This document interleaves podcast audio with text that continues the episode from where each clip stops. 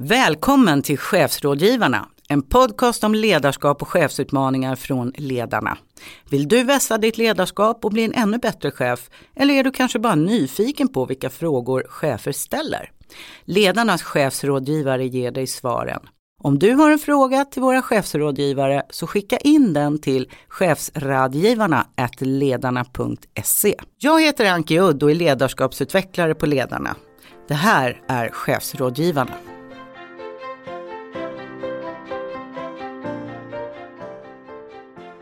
Ingen har kunnat undgå och blivit berörda och förmodligen också upprörda av den flod av vittnesmål om sexuella trakasserier som synliggjorts i spåren av metoo-uppropet. Att det är ett strukturellt problem som går bortom befattning, bransch eller specifika verksamheter blir allt mer tydligt när bransch efter bransch skapar sina egna hashtags med nya vittnesmål. Företag och organisationer tvingas nu att rannsaka sig själva och den kultur och de normer som råder. Och här har chefer naturligtvis ett viktigt ansvar. Men har du koll på vad du som chef kan och ska göra? Det handlar det här avsnittet av Chefsrådgivarna om. Och I dagens avsnitt har jag med mig vår chefsrådgivare Ove Ekebring. Välkommen hit. Tack så mycket. Du och dina kollegor på chefsrådgivningen, ni får ju samtal den senaste tiden som rör just sexuella trakasserier. Vad är det för typ av frågeställningar ni får? Det är ju tre olika aspekter som vi, eh, som vi märker av. Det är ju i det läget man är utsatt som medlem. Att man kan också stå anklagad.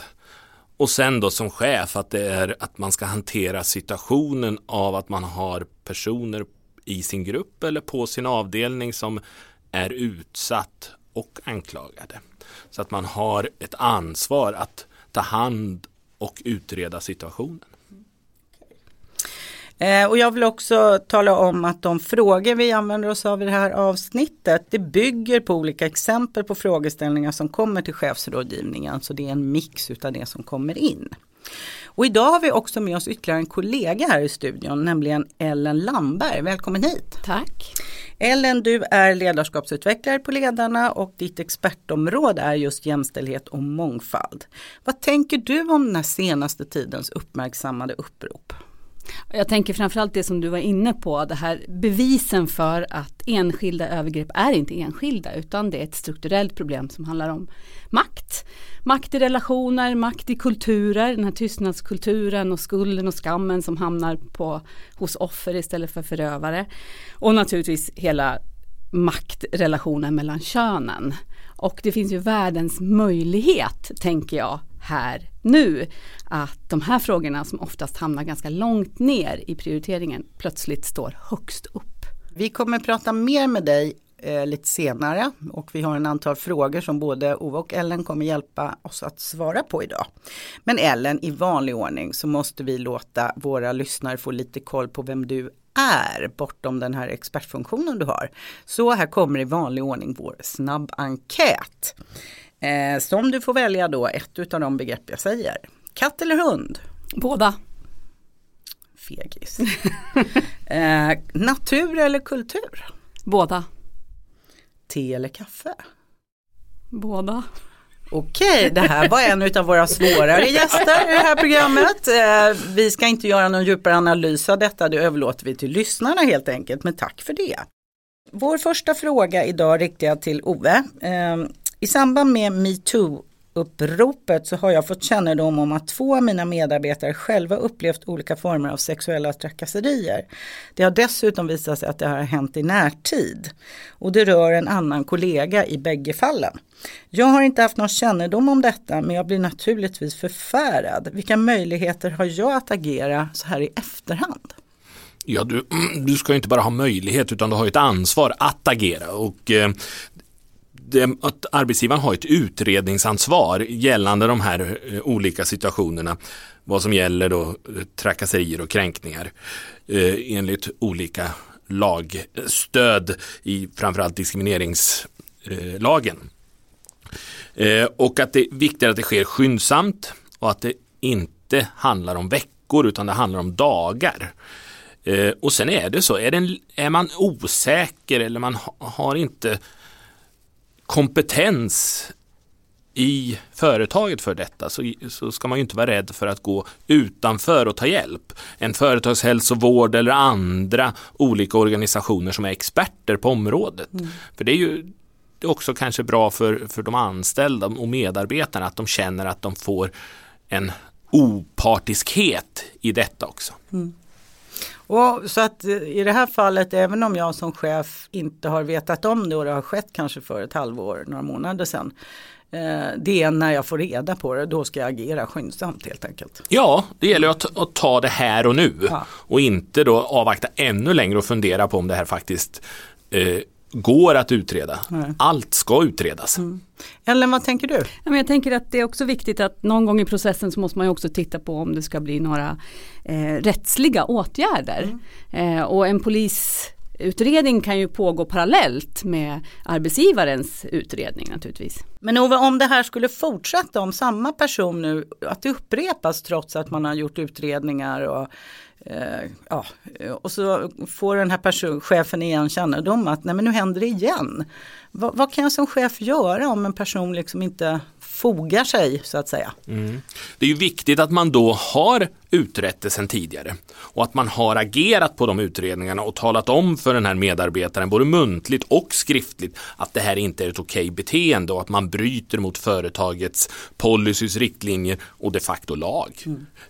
Eh, och efter det, sen om det sker upprepade gånger, ja men då får man ju göra en korrekt arbetsrättslig analys av det hela och eventuellt säga upp personen av personliga skäl. Mm. Och är det grova saker, mm.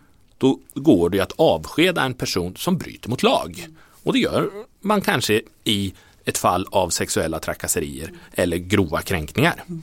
Okay. Tack för det. Eh, sen är det ju så här, den här personen eh, hade ju inte riktigt upptäckt det här och jag tänker att väldigt många chefer har ju svårt att få tiden att räcka till och för att se vad som händer då måste man ju vara närvarande. Och enligt min erfarenhet så många chefer vill verkligen vara det men ibland så funkar det inte. Det är så mycket annat som ska göras. Eh, men hur, hur, ska, vad har ni för råd till chefer för att fånga upp signaler i organisationen att något inte står rätt till även om jag inte alltid själv är på plats? Vad tänker du Ellen? Om ja, men jag tänker att det finns flera olika saker naturligtvis. Den ena är ju den här lagstadgade eh, ansvaret som chefer har att jobba med aktiva åtgärder som ligger inom ramen för diskrimineringslagstiftningen. Om chefer skulle ha kunskap om den lagen och göra det arbetet så som det ju faktiskt åligger dem eh, så skulle man komma till rätta med jättemycket olika eh, liksom tveksamheter. En sån viktig del är ju naturligtvis att ha eh, policy där, man, där det är väldigt tydligt vem man ska vända sig till om någonting händer. Eh, om det är min närmaste chef som utsätter mig, vem ska jag gå till då och så vidare. Och också vad händer om jag kommer med den här informationen. För det som vi har sett är ju också att eh, i, alla, i, i det här uppropet är ju att det är många som inte heller har eh, tagit upp det för det finns en rädsla för repressalier. Så det är ju liksom att ha det här som vanligt, det grundläggande på plats är helt avgörande för annars vet du ju inte alls vad du ska göra om någonting händer. Sen handlar det ju naturligtvis om den kultur som finns. Ehm, att jobba med att ta upp sådana här frågor eh, i medarbetarundersökningar. Men där har man också sett nu under tiden det här har hänt med metoo att det finns ofta brister i dem också. Det saknas till exempel möjlighet att ge frisvar så svaren blir alldeles för trubbiga. Så utforma medarbetarundersökningar så att man har koll på det här i organisationen. Och sen såklart eh, hela det med liksom, hur pratar vi om de här frågorna i vår organisation. Hittills så är det ju oftast vanligast att man har en policy som ligger i någon låda, ingen känner till och vi pratar inte om det i vår vardag. Men tänk att ta upp de här frågorna i, så, i massor av olika sammanhang och inte bara en gång om året. Medarbetarsamtal, nyanställningar, personalkonferenser. Ja, det bygger ju också tillit och förtroende för att så här, vi tar det på allvar i den här organisationen. Alltså kan jag vända mig någonstans om någonting sker, eh, även om min chef inte är liksom väldigt närvarande i vardagen. Mm. Så ditt råd är håll, det, håll frågan levande helt enkelt. Ja, att den inte dör utan att det faktiskt att det här är top of the mind liksom, på ja, oss vad som gäller. Och nu finns det ju världens möjlighet för alla organisationer att bara plocka exempel. För alla jobbar i organisationer där det här där det finns människor som har blivit utsatta. Så är det ju, så stort är det ju. Det är bara att plocka situationer och börja diskutera det och se liksom dilemman i det och börja diskutera etik och ja. Det är ju ett bra tips tänker jag till chefer att faktiskt jobba med olika scenarier. Hur skulle vi agera om det här hände hos oss? Och gärna innan det har hänt för då har man ju också en beredskap. Ove, vad tänker du? Ja, vi har ju varit inne på det många gånger förut i den här podden eh, kring just ledarskapets betydelse. Och det tror jag är det absolut viktigaste, att man har en grundvärdering i ledarskapet uppifrån och ner genom hela bolaget, att det här inte är okej. Okay. Mm. Och att man lever i vardagen efter att ha en hundraprocentig nolltolerans mm. mot detta. Och, och varje dag markerar alltså den här alltså grabbiga stämningar och sånt där, att det hela tiden slås ner av chefer eller att annat som inte är okej. Okay. Och jag tänker också, chefer har ju ett jättestort ansvar att sätta normer, men jag tänker också civilkurage hos oss allihopa. Eh, Ellen, håller du inte med? Jo, jag håller absolut med. Och det är klart att chefen har ett jättestort ansvar och en sak som man kan göra väldigt konkret som chef det är ju att man skaffar sig kunskap så man ligger liksom steget före alla. Och ett jättekonkret tips är ju att läsa på om härskartekniker. För mycket av våra exkluderande beteenden oavsett kön eh, han är liksom redan sammanfattade och genomlysta i och med härskartekniker. Och där finns också tips på hur ska man göra annars då? Hur ska man bekräfta istället och vad finns det för motstrategier som man kan använda? Och det här kan ju handla om väldigt så små subtila beteenden i vår vardag där vi alla som du säger Anki, måste ju vara beredda att liksom öva upp det här civilkuraget och säga ifrån i vardagen naturligtvis. Och det kan man ju göra i sin organisation för att, att, ha, att ha sagt ifrån på riktigt eh, en gång, det gör ju att man sen kan göra det igen. Det är bara att sätta ihop en workshop och öva med sina medarbetare. Jag tänker Ellen, med härskartekniker, det, det pratas, många har nog stött på begreppet. Men skulle du för alla så att de är med på vad vi menar, vad, vad är en härskarteknik egentligen? Ja det finns flera olika definierade härskartekniker och då är det att man använder på något sätt, det blir ett maktutövande i medvetna eller omedvetna beteenden. Det kan till exempel vara osynliggörande, att vi sitter på ett möte tillsammans, några stycken och du Anki kommer med ett jättebra förslag på på någonting vi ska göra. Men jag helt ignorerar det och sen lite senare då kan jag ta upp det här som ett så här, det här var ju en bra idé. Mm. Och då få gehör. Eh, det finns flera stycken olika sådana. Mm. Eh, men det är, handlar om exkluderande beteenden som vi måste liksom få syn på och agera varenda gång. För det kan också vara omedvetet. Mm. Och jag vet Ellen, du har faktiskt också tagit fram en checklista som ligger på vår hemsida nu.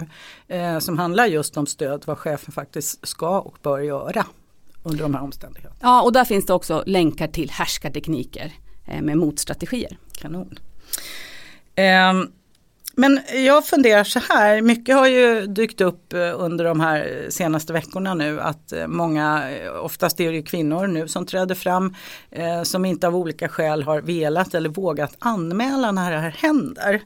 Eh, och om jag då inte reagerar eller agerar själv om jag blir utsatt för oacceptabelt beteende, sexuell kränkning och jag inte säger ifrån, har jag underförstått liksom sagt att det är okej. Okay. Eh, Ove, Ellen, vad, vad tänker ni om det? Nej, absolut inte. Det finns ju absolut ingenting som stöder att man, att man inte ska, alltså att, att säger man inte ifrån så är det okej. Okay, utan det, man, man som människa är ju sån så att man ibland så vågar man ju inte. Man har inte, alltså känner inte att man har det stödet i en organisation eller så att man, man vågar. Och det, och det handlar ju jättemycket om att, att organisationen i sig måste skapa en, ett klimat som gör att alla ska våga säga ifrån. Så att nej, ja, det får inte vara så att, att, att det är så i och jag tänker det är ju det vi ser med metoo, att det i många sammanhang har ju varit just, det, det är ju skulden och skammen som har styrt att man har blivit tyst. Eh, och den har hamnat hos offret och inte på rätt ställe, alltså hos förövaren. Jag tänker att eh, det viktigaste man ska tänka på om, om man känner det här och blivit utsatt och inte berättat det för någon är att liksom berätta det för någon i alla fall. Gå inte och bär på det själv och se till att ta hjälp i, i att bearbeta det och anmäla det eller utreda det eller vad det nu är man behöver göra eller bör göra. Så även om inte jag har kraftfullt markerat av olika skäl så, så är det fortfarande, det är inte okej liksom. Nej, Beteende absolut oavsett. inte. Och förekommer det kränkningar, man märker det men man själv inte blir utsatt så har man ju också ett ansvar att säga ifrån. Mm.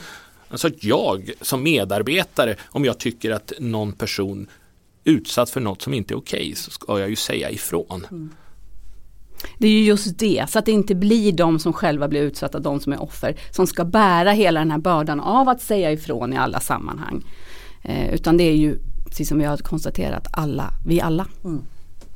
Det är återigen tycker jag att det här handlar ju oerhört mycket om den, vilken kultur vi har på våra arbetsplatser och det här är i allra högsta grad en fråga om våran arbetsmiljö.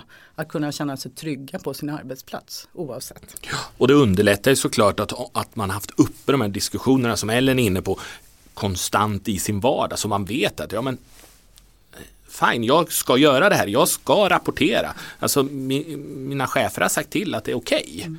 Och att man får en, en kultur där man hela tiden pratar med varandra och om även om tuffa saker, för det får ju vi ofta in från våra medlemmar oavsett om det är metoo eller andra problem, att man pratar för lite på sin arbetsplats mm. överhuvudtaget. Man, är, man, man tar in det och, och, och bär det inom sig mm. istället för att bara alltså ropa rakt ut att stopp, nu, det här är inte okej. Okay. Mm. Eller det här är okej, okay, det här ska vi göra mer av. Mm.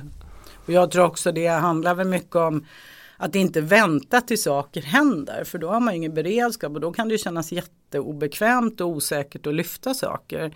Så tipset är väl att prata om de här frågorna innan det händer saker just för att man ska vara trygg och veta hur man ska agera eller göra om det ändå skulle hända. Det är en viktig eh, förutsättning för en organisation som är inkluderad och där medarbetare och chefer och alla som arbetar där upplever sig vara inkluderande. Det är just att man har ett lärande perspektiv. Så att man lär sig hela tiden av det som händer såklart och ser vad kan vi göra bättre. Eh, så det är ju både det här akuta, vad måste vi göra nu som vi har pratat om här. Vad är faktiskt ansvaret hos chefen. Men det är ju också jättemycket det långsiktiga och där kan man göra hur mycket som helst. Eh, vi har en fråga som kommer från en chef som är kvinna som eh, berättar att hon inte är bekväm med den jargong som råder på jobbet. Och hon eh, undrar. Jag är chef i ett mellanstort företag och ingår också i ledningsgruppen. Vid flera tillfällen vid våra ledningsgruppsmöten har det fällts kommentarer om mitt utseende eller klädsel som jag upplever väldigt obekväma och med en underton som känns obehaglig. Jag har tagit upp detta med min VD men han viftar bort och menar att lite får man tåla. Jag räknar inte med något stöd därifrån men vill gärna ha tips på hur jag själv ska bemöta den här typen av kommentarer. Eller jag vänder mig till dig först. Vad, vad råder du henne att göra när det här händer? Ja, jag råder henne att inte stå själv. Eh, för det är svårt att stå emot en hel kultur själv. Det är omöjligt att förändra den kulturen ensam naturligtvis. Så stå inte själv. Hon kan skaffa sig bundsförvanter det kan ju vara en facklig representant eller en företrädare för ledarna. Det kan också vara kollegor, andra chefer. Eh, där man pratar om det här. För att om hon har upplevt det här som hon upplever, då är hon inte ensam. Mm. För det här är någonting som påverkar alla i organisationen. Och den här typen av exkluderande beteenden och kass jargong, det är alltid skadligt. Så hon ska inte stå själv. Eh, Sen ska hon tillsammans med sina bundsförvanter så ska hon kräva policy, precis som vi varit inne på vad, hur gör vi i sådana här fall? Det måste den här vdn ställa upp med och fixa fram. Mm. Eh, och sen så ska hon, om hon ändå vill göra någonting själv, och det kan hon göra ensam eller med sina bundsförvanter på möten till exempel i alla sådana här sammanhang så kan hon läsa på om de här härskarteknikerna. För där finns ju också de här tipsen om hur kan jag agera eh, som blir själv blir utsatt för en härskarteknik och hur kan vi andra runt omkring som inte själva blir utsatta stötta den som blir utsatt. Men Ellen, låt säga att de har ledningsgruppsmöte imorgon igen och så händer samma sak. Någon eh, säger någon olämplig kommentar och hon står där ganska själv. Vad rekommenderar henne att göra och säga då i den stunden? Ja, jag tänker på två saker. Det ena är ju att ge väldigt tydlig återkoppling. Och då kan hon ju säga till exempel så här. När du säger så här, då upplever jag det här. Jag vill att du istället ska göra det här. Eh, en annan sak är ju, det handlar ju väldigt mycket om att hålla huvudet kallt här och vara liksom analytisk och använda sin, hela sin kompetens i det här. Så tydlig återkoppling men också att stanna upp och sa vänta, vad var det du sa? Vad menar du med det? Hur tänker du nu? Så att den personen, det är lite samma, du får tillbaks den, du som, som gör det här får tillbaks den och måste stå till svars och förklara. Då blir det snabbt obekvämt. Det handlar ju mycket om att våga skapa dålig stämning och inte vara rädd för det, för det blir dålig stämning. Jo, ganska obekvämt för den här andra ja. personen, med all rätt tycker jag. Så. Precis. Och just att förklara sig, varför sa jag så? Vad, vad menade jag egentligen? Mm. Mm.